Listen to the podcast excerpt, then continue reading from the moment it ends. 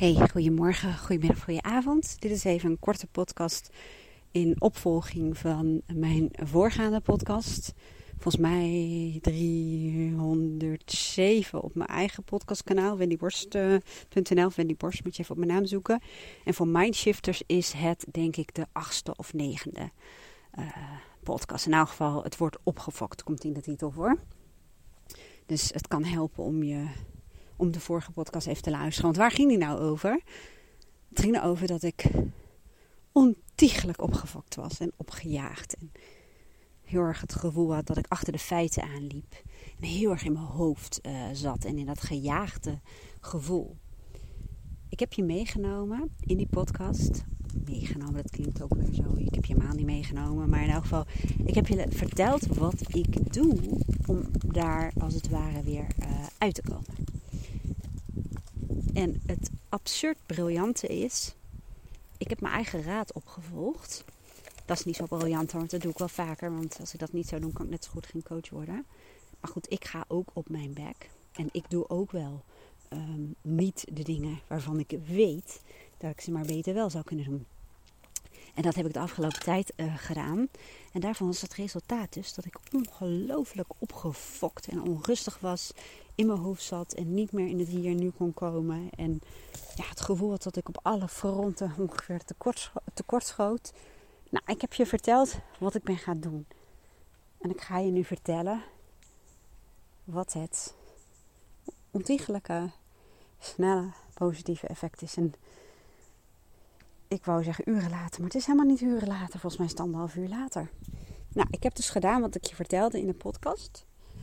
En ehm, onder andere was dat, ik kijk ondertussen even of de audio nog loopt hoor. Maar onder andere was dat luisteren naar dat opgejaagde en opgefokte gevoel. Luisteren, echt luisteren. Want je kunt wel denken dat je weet waarom dat deel er is en, en waardoor het komt. Maar daar heb jij geen ruk aan. En heel vaak zit je er falikant naast. Als je er echt letterlijk naar gaat luisteren, dan komt er vaak aan de orde waar jij op dat moment echt met prioriteit nummer 1 voor moet zorgen. En bij mij kwam ik erachter dat er uh, door de afgelopen tijd te veel te hebben gedaan, te veel in de do-modus, te veel vanuit mijn pusher-energie uh, te hebben gewerkt en geleefd. Vanuit mijn agenda, vanuit mijn to-do-lijstjes, vanuit mijn doelen. Um, heb ik een aantal andere kanten in mezelf, maar ook waarden in mezelf verwaarloosd. En die eisen op een gegeven moment op dat jij um, dat gaat doen. En dat opeisen kan ook heel naar gaan. En daar bedoel ik mee te zeggen, dat opeisen kan ook zijn als je te lang verwaarloost, dat je gewoon overspannen raakt, een burn-out krijgt of vastloopt of, of ziek wordt. En dat klinkt een beetje oh, oh wat eng, ga je daarvoor waarschuwen. Um, maar dat is vaak gewoon een uh, optelsom. En um, het helpt echt om op een gegeven moment in de gaten te hebben er gaat iets niet goed. Nou, dat had ik dus. En ik heb je dus verteld wat ik ging doen.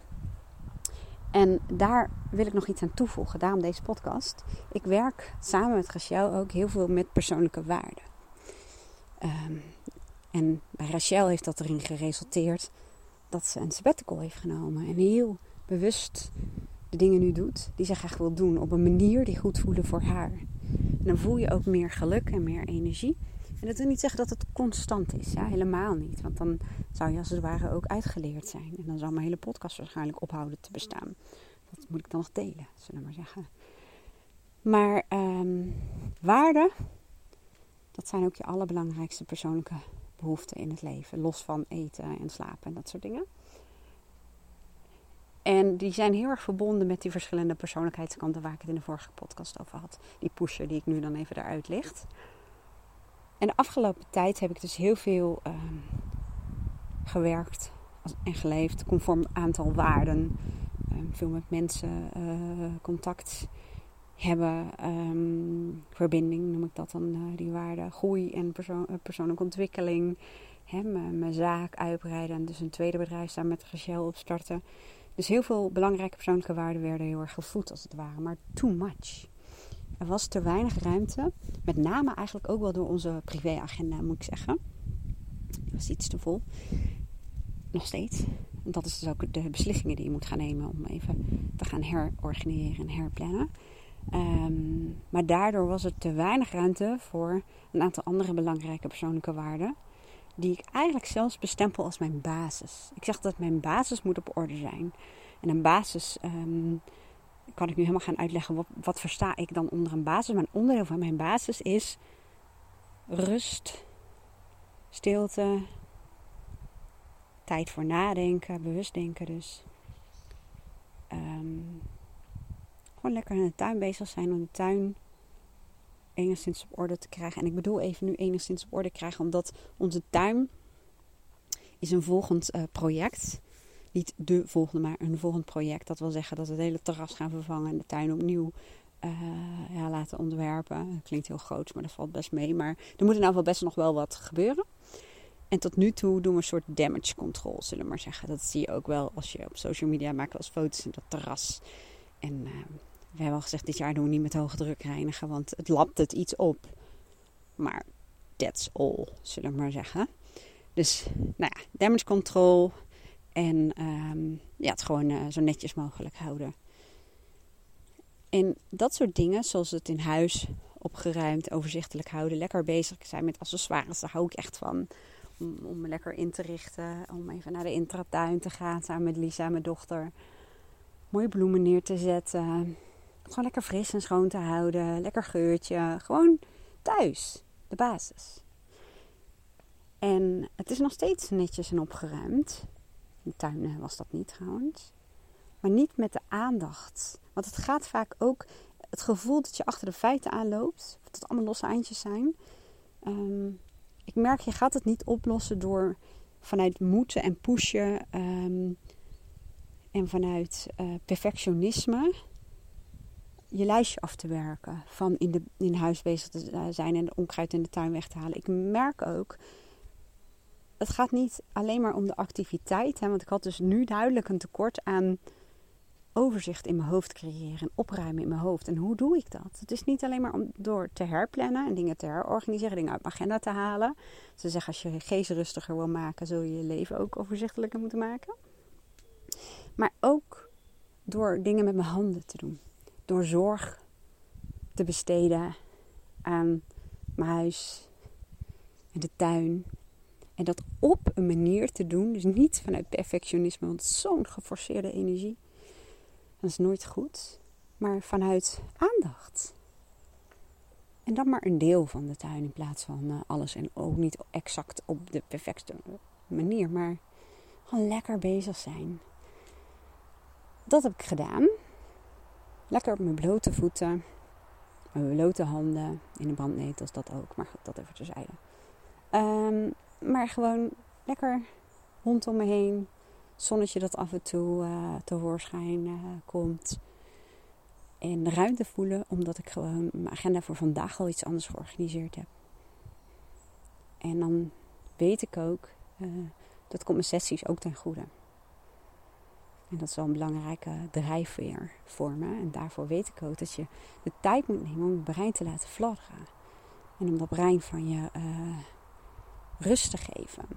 En wat ik hiermee wil zeggen is dus dat ik in een heel korte tijd... Hè, want je zou kunnen denken als je zo druk bent in je hoofd, dan moet je rusten.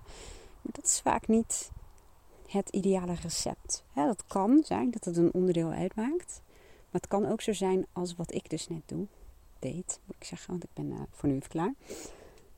Even lekker in de tuin.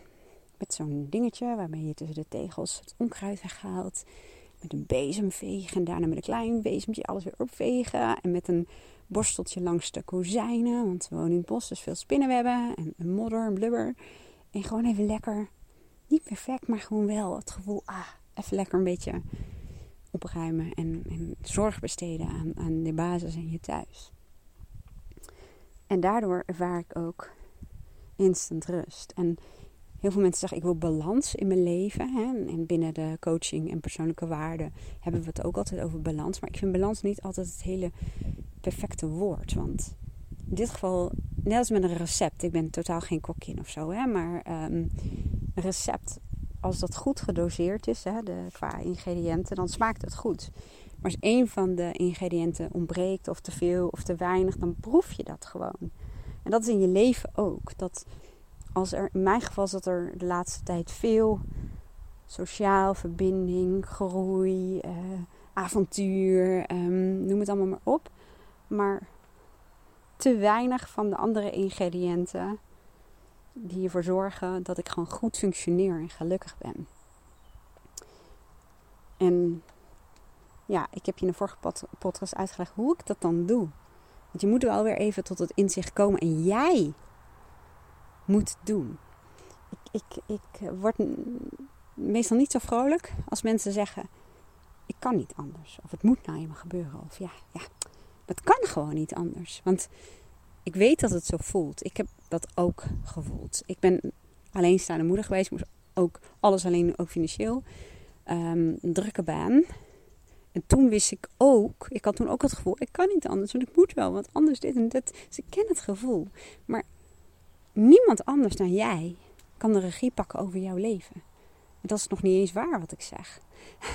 Als jij de regie over je leven niet pakt, dan doet een ander dat. Mij heeft destijds één zinnetje daarbij heel erg geholpen, die ik in een college communicatie uh, leerde. En die man zei: Als je geen eigen plan hebt, word je onderdeel van een plan van een ander. Nou, alsof de bliksem bij me insloeg. En soms varieer ik met die zin door te zeggen: als je geen eigen droom hebt, dan word je onderdeel van de droom van een ander. En dat is ook met regie over je leven. Als jij de waan van de dag, alle verplichtingen, de regie laat voeren en je innerlijke team, je innerlijke criticus, je pusher, je perfectionist, je pleaser, je redder, whatever, dan ben je niet gelukkig, niet optimaal gelukkig. Dan functioneer je over het algemeen ook niet het beste. En dan ervaar je vaak ook niet heel veel zinvolheid of betekenisvolheid, als dat een woord is überhaupt trouwens.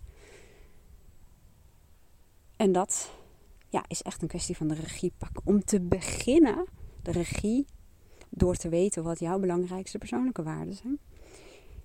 Met als volgende stap te identificeren van hoe ziet mijn innerlijke team eruit. Hè? Dus die innerlijke dialoog als het ware aangaan. Want daar zit ook een hoop regie. Als je perfectionist, je pleaser, je, je pusher ehm, het stuur in handen geeft, dan gaan zij namens jou jouw leven leiden.